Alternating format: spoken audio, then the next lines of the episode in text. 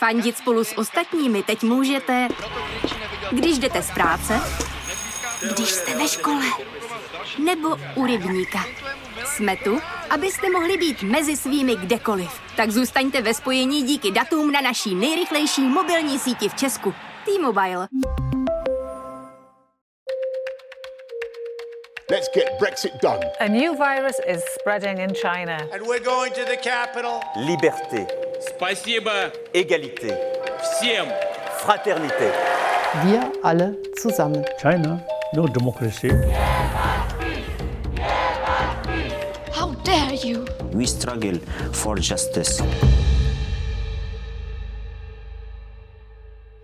Posloucháte Checkpoint, podcast o světovém dění. Já jsem Jolana Humpálová a provedu vás dnešní epizodou. Přesně před měsícem špičková čínská tenistka Pcheng Shuai zmizela. Stalo se to poté, co ze znásilnění obvinila někdejšího čínského vicepremiéra Zhanga Kaoliho. Pak se po ní slehla zem. Obavy o bezpečí sportovkyně vyjádřily různé organizace, sportovci i třeba Evropská unie. No a Shuai se v posledních týdnech objevila na různých videozáznamech, kterými Čína chtěla demonstrovat, že je sportovkyně živá a zdravá. Zde jsou ale pravé, mnozí spochybňují. Co víme o kauze zmizelé tenistky, někdejší světové jedničky ve čtyřhře? Žije? Kdo ji podpořil? A jak je na tom obviněný bývalý vicepremiér? I o tom se budu v této epizodě bavit se svou kolegyní, redaktorkou Seznam zpráv Danielou Kučerovou. Ta se zaměřuje právě na témata z azijského regionu, zejména Číny. Rozebereme samozřejmě vývoj případu. Mimo to se zaměříme i na hnutí mítů v Číně, jaké jsou reakce veřejnosti i čínských úřadů. No a mluvit budeme i o roli Mezinárodního olympijského výboru a o tom, jak se staví k otázce lidských práv. Dnešní epizoda bude na hlasy ze zahraniční redakce Seznam zpráv bohatá.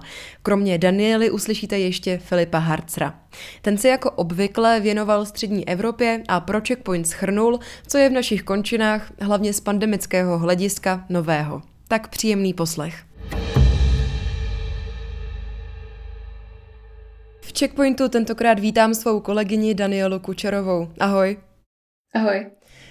Tahle spletitá kauza se táhne už měsíc. Mohla bys prosím stručně vysvětlit, o co v ní vlastně jde? Stručně řečeno, uznávaná čínská tenistka Pcheng Shuai 2. listopadu publikovala na sociální síti Weibo dlouhý příspěvek, ve kterém s jistou dávkou sebekritiky přiznává uh, desetiletý vztah s bývalým čínským vicepremiérem Zhangem Kaolim. Obzvláště znepokojivá byla pasáž, ve které Pchen popisuje, eh, jak si při jejich posledním setkání Jankoli vynutil sex i navzdory jejím námitkám. A ta její spověď z čínských sítí zmizela během půl hodiny. Je dodnes cenzurováno i její jméno. Jednu chvíli cenzura zahrnovala i slovo tenis. A během dalších dnů se pak začaly šířit znepokojivé příspěvky o tom, že Pcheng Shuai pravděpodobně zmizela. Nikdo o ní nevěděl ode dne, kdy publikovala tu svoji spověď. A do čela tady těch obav se postavila ženská tenisová asociace, která vyjádřila znepokojení nad jejím stavem a s pomocí jednotlivých tenistů a dalších sportovců se jí podařilo vytvořit uh, velký nátlak na čínskou vládu. Uh, situace se pak najednou obrátila, Pcheng Shuai se zázračně objevila, přes Mezinárodní olympijský výbor vzkázala, že je naprosto v pořádku a prosí o respektování soukromí Jenže takových lidí, kteří po nějakém výstupu nehodící se Číně zmizeli a následně se objevili s podobným vysvětlením, jsou tisíce. Takže to, že se znovu objevila, skutečně situaci nějak neuklidnilo. Pcheng Shuai má v Číně i na mezinárodní sportovní scéně prominentní postavení. Připomněla bys, čím si jej vydobila? Je to významná profesionální tenistka, bývalá světová jednička ve čtyřhře a je to vlastně první čínská hráčka v historii tenisu, která se probojovala do čela světové klasifikace. Má za sebou spoustu titulů a výher. Jen namátkou je to vlastně trojnásobná olympionička a dvojnásobná vítězka Grand Slamu. V médiích i obecně v mezinárodním nejenom sportovním společenství vyjádřily různé osobnosti, i jak už si zmiňovala organizace, obavy o bezpečí této známé tenistky. V úterý to byla například i Evropská unie, která vyzvala Čínu, aby dokázala, že je Pcheng Shuai v bezpečí. Kdo další se za ně tedy postavil a hlavně jaké jsou reakce Číny? No, jak už jsem zmínila, nejvýraznější podporu a obavy o stav tenistky vyjádřila eh, ženská tenisová asociace. Dále to byly i jednotliví sportovci jako Novak Djokovic nebo Naomi Osaka. Ty si zmínila Evropskou unii, už před ní eh, se ozval i úřad Vysokého komisaře OSN pro lidská práva a další eh, nejen sportovci se začali přidávat vlastně s tím, jak ten případ postupně nabíral na síle, čemuž dost pomohla potom i ta čínská reakce. A ta byla tedy jaká? Asi dva týdny po zmizení Peng Shuai zveřejnila anglická verze čínské stanice CGTN screenshot e-mailu, eh, který údajně měla Peng poslat šéfovi ženské asociace s tím, že je v pořádku a neděje se jí nic zlého. Jenže ona je Čína eh, proslulá tím, že nemá příliš eh, cit pro umělé vytváření důkazů ať už to jsou ta videa šťastných Ujgurů nebo třeba ta slavná děsivě upravená fotka, jak se australský voják chystá podříznout afgánského chlapce. No a stejně nešikovně CGTN dopadlo i v případě toho e-mailu Pcheng Shuai, protože na tom screenshotu jde jasně vidět zapomenutý kurzor uprostřed věty. Takže tohle taky jako důkaz nestačilo a naopak to ty obavy ještě rozšířilo o nějaký aspekt, že Pcheng je pravděpodobně pod drobnohledem čínské vlády a nevystupuje sama za sebe. A další pokus pak byla videa, která čínská vláda zveřejňovala skrze účty státních úředníků a médií. Eh, jedno z těch videí je ze zahajovacího ceremoniálu nějaké juniorské tenisové soutěže. Pak šlo o takový dost eh, nepřirozený záznam z restaurace, kde měla Pcheng večeřet se svým trenérem a přáteli. A na třetím videu Pcheng podepisuje tenisové míčky pro děti. My se tady vlastně bavíme o čínském případu mýtů. Projevilo se v Číně toto hnutí, které se zaměřuje tedy na sexuální obtěžování a násilí, nějak výrazněji? Ona ta vlna mýtu do Číny dorazila o dost později než do ostatních vyspělých zemí. První žena o sexuálním obtěžování takhle otevřeně promluvila před třemi lety a vlastně ten případ Pcheng Shuai je vůbec prvním, kdy došlo k obvinění takto vysoce postaveného komunistického straníka. Jinak obecně případů, kdy oběť dostane násilníka k čínskému soudu je úplné minimum. A jak se k tomu staví mm, ta obecná čínská veřejnost a jak třeba úřady? On ten čínský systém ty mýtu kauzy nezvládá příliš dobře přižvíkat ani v případech, kdy se ta obvinění netýkají takhle vysoce postavených straníků. A takový nejznámější a vlastně i ukázkový případ, který je rok starý, a táhl se vlastně až do letošního září a spousta odborníků do něj vkládala naděje, že to bude ten případ, který definuje budoucnost hnutí mýtu v Číně úplně nedopadl. Šlo o obvinění jedné z nejznámějších tváří eh, čínské televizní stanice CCTV jménem eh, Jutin. Ten měl před lety eh, osahávat a násilně líbat mladou stážistku. Ta se už tehdy obrátila na policii, tam mi ale řekli, aby si příběh nechala pro sebe, protože je Jutin národním příkladem takzvané pozitivní energie, což je uh, označení čínské státní kampaně zaměřené na podporu paradoxně slušného chování. A moderátor byl tudíž někým, jehož pověst pošpiněná být prostě nemůže. A vlastně až ve chvíli, kdy ta žena pocítila podporu dalších a dalších, které přicházely s obdobnými příběhy, uh, tu svoji historii vytáhla znovu a dotáhla to až k soudu. Verdikt si teda vyslechla letos září a pekingský soud rozvě, uh, rozhodl v její neprospěch pro nedostatek důkazů. Ale ten soud vlastně sám prý neprobíhal úplně objektivně. Ta žena pro BBC potom vypověděla, že jí vlastně nebylo umožněno předložit důkazy z bezpečnostních kamer. Dokonce měly být k dispozici její šaty z DNA toho moderátora, jenže podle soudu na důkazy nebyl čas a důkazní šaty se policii prostě nějak ztratily během let. Pojďme se ale vrátit ke kauze zmizelé tenistky. Ona celá ta situace je dost komplikovaná na všech frontách. Eh, před pár dny se objevila zpráva, že někdejší čínský vicepremiér, kterého Pcheng Shuai obvinila ze znásilnění, také zmizel. Eh, jaké jsou v tomto ohledu nové zprávy? Jsou nějaké vůbec? Eh, nový zpráv příliš není. Ono je nutno říct, že Zhang Koli je pán, který odešel do důchodu v roce 2018 a naposledy se takhle veřejně na nějaké větší akci ukázal při oslavách 100 let komunistické strany Číny. A od té doby o něm skutečně není zmínky a nejpravděpodobnějším vysvětlením je, že mu prostě bylo doporučeno nebo nařízeno nevyjadřovat se, nevířit vody, obzvlášť když se blíží zimní olympiáda v Pekingu, prostě počkat, až to utichne. ale třeba na čínských webech jsem narazila na nějaké komentáře, že se dá jeho, eh, jeho mlčení vysvětlit tím, že vlastně komunistická strana se tím problémem skutečně zabývá a eh, že Západ se tuhle verzi jednoduše nepřipouští. Když to teď schrnu, Panuje domněnka, že čínské úřady šuaj několikanásobnou olympijskou vítězku a možná, ale jak říkáš, to je asi spíš ne, i bývalého vicepremiéra eh, Zhanga Kaoliho takzvaně uklidili. Mohla bys na dalších příkladech popsat, proč jde vlastně o celkem oprávněné obavy? Ono těch případů jsou tisíce, možná desetitisíce a jde o právníky, aktivisty, v poslední době i herce, biznismeny a Pyeong Shui teda není první a bohužel zřejmě ani poslední, komu se tady toto stalo. A myslím, že nejvíce do povědomí z poslední doby zapsali třeba různí novináři nebo vlogeři, kteří přinášeli první zprávy o koronaviru přímo z Wuhanu. V březnu 2020 to bylo zmizení realitního magnáta Ren Zhejianga za to, že skritizoval čínský přístup k pandemii a je to ten člověk, který označil se tím Chinga za klauna. Slavný je třeba případ z roku 2011, kdy na tři měsíce zmizel umělec Ai Weiwei za kritiku čínské vlády, nebo minulý rok to bylo zmizení zakladatele Alibaba Jacka Ma, který skritizoval se čínský finanční systém.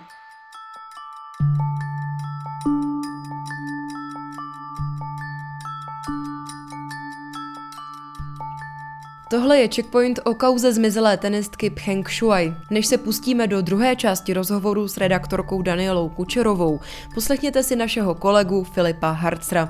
Ten popíše, jak to teď vypadá v covidové střední Evropě. Situace v našem regionu stručně řečeno nevypadá dobře. Rakušané prodloužili lockdown skoro do půlky prosince a částečná uzávěra platí dál i na Slovensku. U našich nejbližších sousedů ale zatím počty nakažených neklesají a nemocnice jsou stále kriticky přetížené. Ke zvýšení pro očkovanosti má na Slovensku pomoci finanční poukaz pro seniory a také návrhy ministrině spravedlnosti na trestání dezinformací o covidu. Hospitalizovaných pacientů s covidem přibývá dál i v Rakousku. Dobrou zprávou je ale to, že tam počty nakažených pomalu klesají. Příští týden mají ve Vídni představit konkrétní plán na povinné očkování a o tom mluví i nastupující německá tzv. semaforová trojkoalice. Očkovací povinnost by mohla ve Spolkové republice platit už od jara. Sociální demokraté navíc chtějí do Vánoc naočkovat na 30 milionů lidí a debatuje se i o dalších pandemických omezeních. Jiný přístup ale razí Polsko. Vláda tento týden pouze omezila kapacitu restaurací a podniků, ale ani tohle opatření se příliš nerespektuje a nevymáhá. Nekontrolují se ani očkovací pasy nebo testování. Počty nakažených se v Polsku denně pohybují mezi 20 a 30 tisíci, ale v porovnání s Českem se v zemi docela málo testuje. Vláda ve Varšavě teď další restrikce kvůli jejich nepopularitě nechystá. To byl Filip Harcer. Jeho texty i další články z produkce zahraniční redakce Seznam zpráv najdete na našem webu v rubrice Svět. A teď už zpátky na Dálný východ a k rozhovoru s Danielou Kučerovou.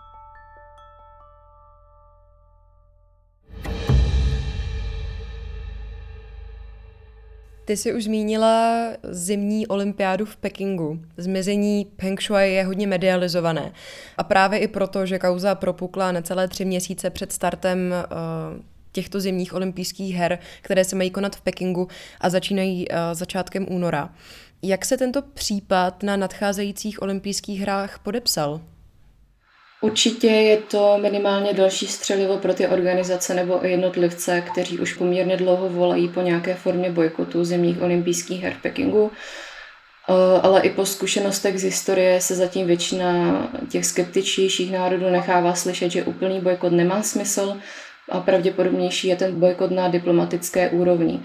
Otázkou je, co ten případ s Pyeongchang udělá se sponzory. Eh, zatím totiž všech 15 partnerů olympijských her mlčí na žádosti o komentář médiím nereagují.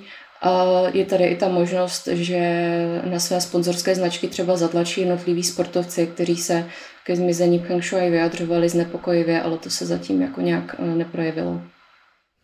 V kauze zmizelé tenistky se ale můžeme bavit i o renomé samotného Mezinárodního olympijského výboru. Jeho předseda Thomas Bach si měl údajně s Shuai osobně telefonovat, to už si zmiňovala, a opět údajně ho měla sportovkyně ujistit, že je v bezpečí, čemuž ale mnozí nevěří, takže Nevěří, on je totiž ten telefonát uh, obehnán všelijakými podivnostmi a vlastně nejen ten telefonát. Ono by se dalo očekávat, že Mezinárodní olympijský výbor bude tou první organizací, která se za Pyeongchang postaví, ale naopak to zatím vypadá tak, že, ten, že MOV kopíruje tu čínskou verzi příběhu. Eh, jak si řekla, tak Pyeongchang se po nátlaku měla ozvat eh, šéfovi MOV, Tomasu Bachovi, eh, měl proběhnout nějaký video, videohovor, ve kterém měla teda popřít, že by se jí dělo cokoliv zlého, jenže z toho telefonátu není zveřejněno žádné video, eh, jen fotka doprovozená dobrým slovem MOV. A zatím vlastně nevíme, jakým způsobem proběhla vůbec domluva toho rozhovoru. Eh, výbor doteď nevysvětlil, jakou roli v organizaci sehrála čínská vláda. Na těch nezodpovězených otázek je víc, eh, jenom namátkou třeba proč Pcheng komunikuje přes média kontrolovaná čínským státem, proč se jí nedá dovolat, nebo proč je její přiznání na sociálních sítích vlastně stále cenzurované. A celé eh, je to podezřelé i vzhledem k tomu, že má Thomas Bach, eh, řekněme, přátelské vztahy se Xi Jinpingem. Na internetu kolují fotky, eh, jak stojí po boku bývalého vicepremiéra Zhanga Kaliho. A včera dokonce do médií vystoupil jeden z vysokých členů MOV a prohlásil, že všechny ty spekulace o tom, jak byl rozhovor Kang a Bacha zmanipulovaný, nahraný, jsou jen směšné a neexistují proto žádné důkazy. Já bych se ještě vrátila k tomu samotnému úplně základu té celé kauzy. Jaká je ta hlavní, ta nejvíc asi podporovaná nebo nejvíc šířená teorie, co vlastně teď s tou zmizelou tenistkou je? Právě teď, podle domněnek nejrůznějších analytiků, novinářů, politiků, eh, je Pkeng pravděpodobně pod silným dohledem čínské strany, je zřejmě odklizená někde v bezpečí, eh, kde s ní nemůžou komunikovat zahraniční média a pravděpodobně se na tom ani dlouho nic nezmění. Já se ptám, protože je vlastně dost těžké si představit, co ten silný dohled čínské komunistické strany znamená. Že když si představíme Ujgury, kteří jsou uklizení v těch táborech šílených a, a potom případ zmizelé tenistky, tak vlastně nevím, jaký je mezi tím prostor pro uh, různé, uh, různé úrovně toho dohledu. Tak eh, když si vezmeme, že pravděpodobně bude v doma, nechci říkat vězení, ale jo, je to v podstatě domácí vězení, asi nebude mít přístup, nebo svobodný přístup k telefonu, zjevně nekomunikuje se svými blízkými, se svou rodinou. Určitě ta její rodina musí být pod obrovským stresem, že nemůže, že s ní nemůže komunikovat, třeba neví ani, co se s ní děje. A takhle je to takový vlastně obvyklý, obvyklý postup, co se tady v těch případech, kdy ten dotyčný zmizí a následně se s tou nějakou omluvou, buď za své prohřešky vůči státu, nebo s vysvětlením, že prostě jen odpočíval doma, což se stalo v případě Shuai. Takže myslíš, že tohle je ten očekávaný výsledek celé kauzy, že vystoupí, omluví se znovu a znovu a, a bude to tak uzavřeno? Ona už v podstatě uh, vlastně stáhla tu svoji prvotní výpověď, jo, že ona, ona řekla, že vlastně že to nebylo jako znásilnění a že prostě, že jen doma odpočívá ve svém bytě v Pekingu a že prosí o respektování soukromí, takže ona už se tady tím vlastně snaží distancovat od, od toho, aby se tomu mezinárodní společenství nějakým způsobem věnovalo. Ty jsi říkala, že Thomas Bach má při nejmenším přátelské vztahy se Sitím Pchingem. Uh, ono celkově olympijské hry jsou obecně politicky kontroverzní, když se podíváme do minulosti. A není teda třeba sahat úplně daleko, třeba do roku 1936, kdy eh, se letní olympijské hry konaly v Berlíně za vlády Adolfa Hitlera. Ono třeba o zimní olympiáda v Soči v roce 2014, takže v mnohem blíž naší současnosti, se odehrávala během protestu, jež odstartovala ruská legislativa proti gay propagandě. No a třeba letošní letní olympiáda v Tokiu se zase nesla v duchu pandemie a odmítání ze strany japonské veřejnosti, kterou hry velmi negativně zasáhly. Jakou reputaci v tomto ohledu má Mezinárodní olympijský výbor? Mm, jinými slovy, jak si stojí v otázce lidských práv?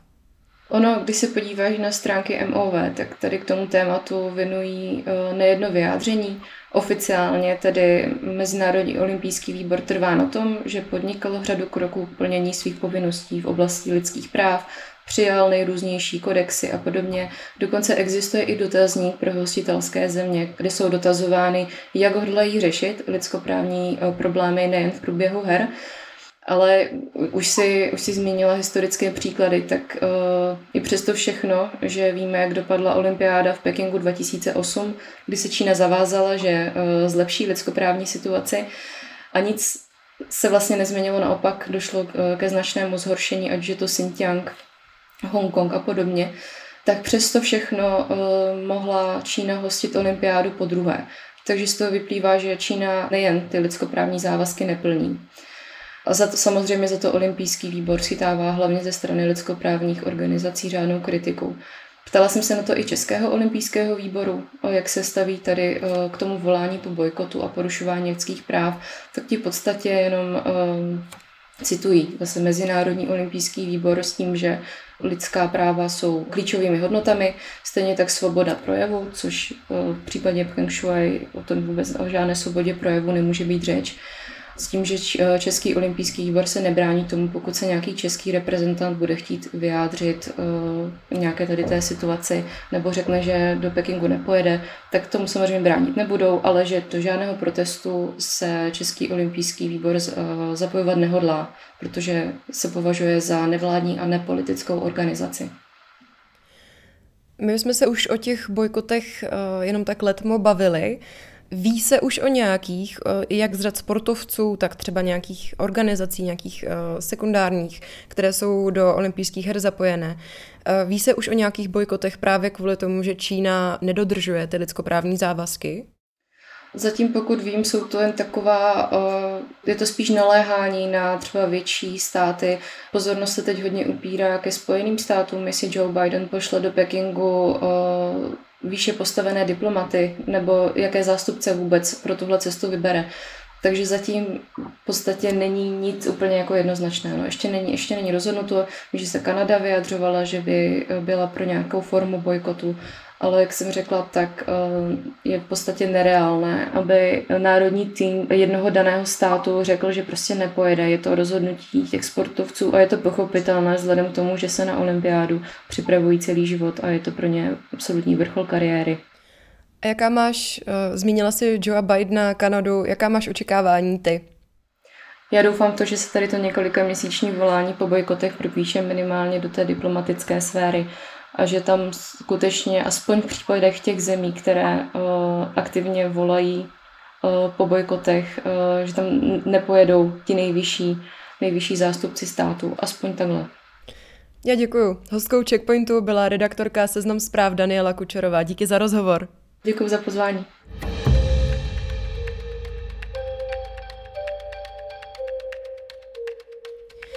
Z dnešního checkpointu je to už všechno. Pokud máte k rozhovoru nebo podcastu celkově nějaké připomínky nebo poznámky, pošlete mi je třeba na e-mail audiozavináč.cz.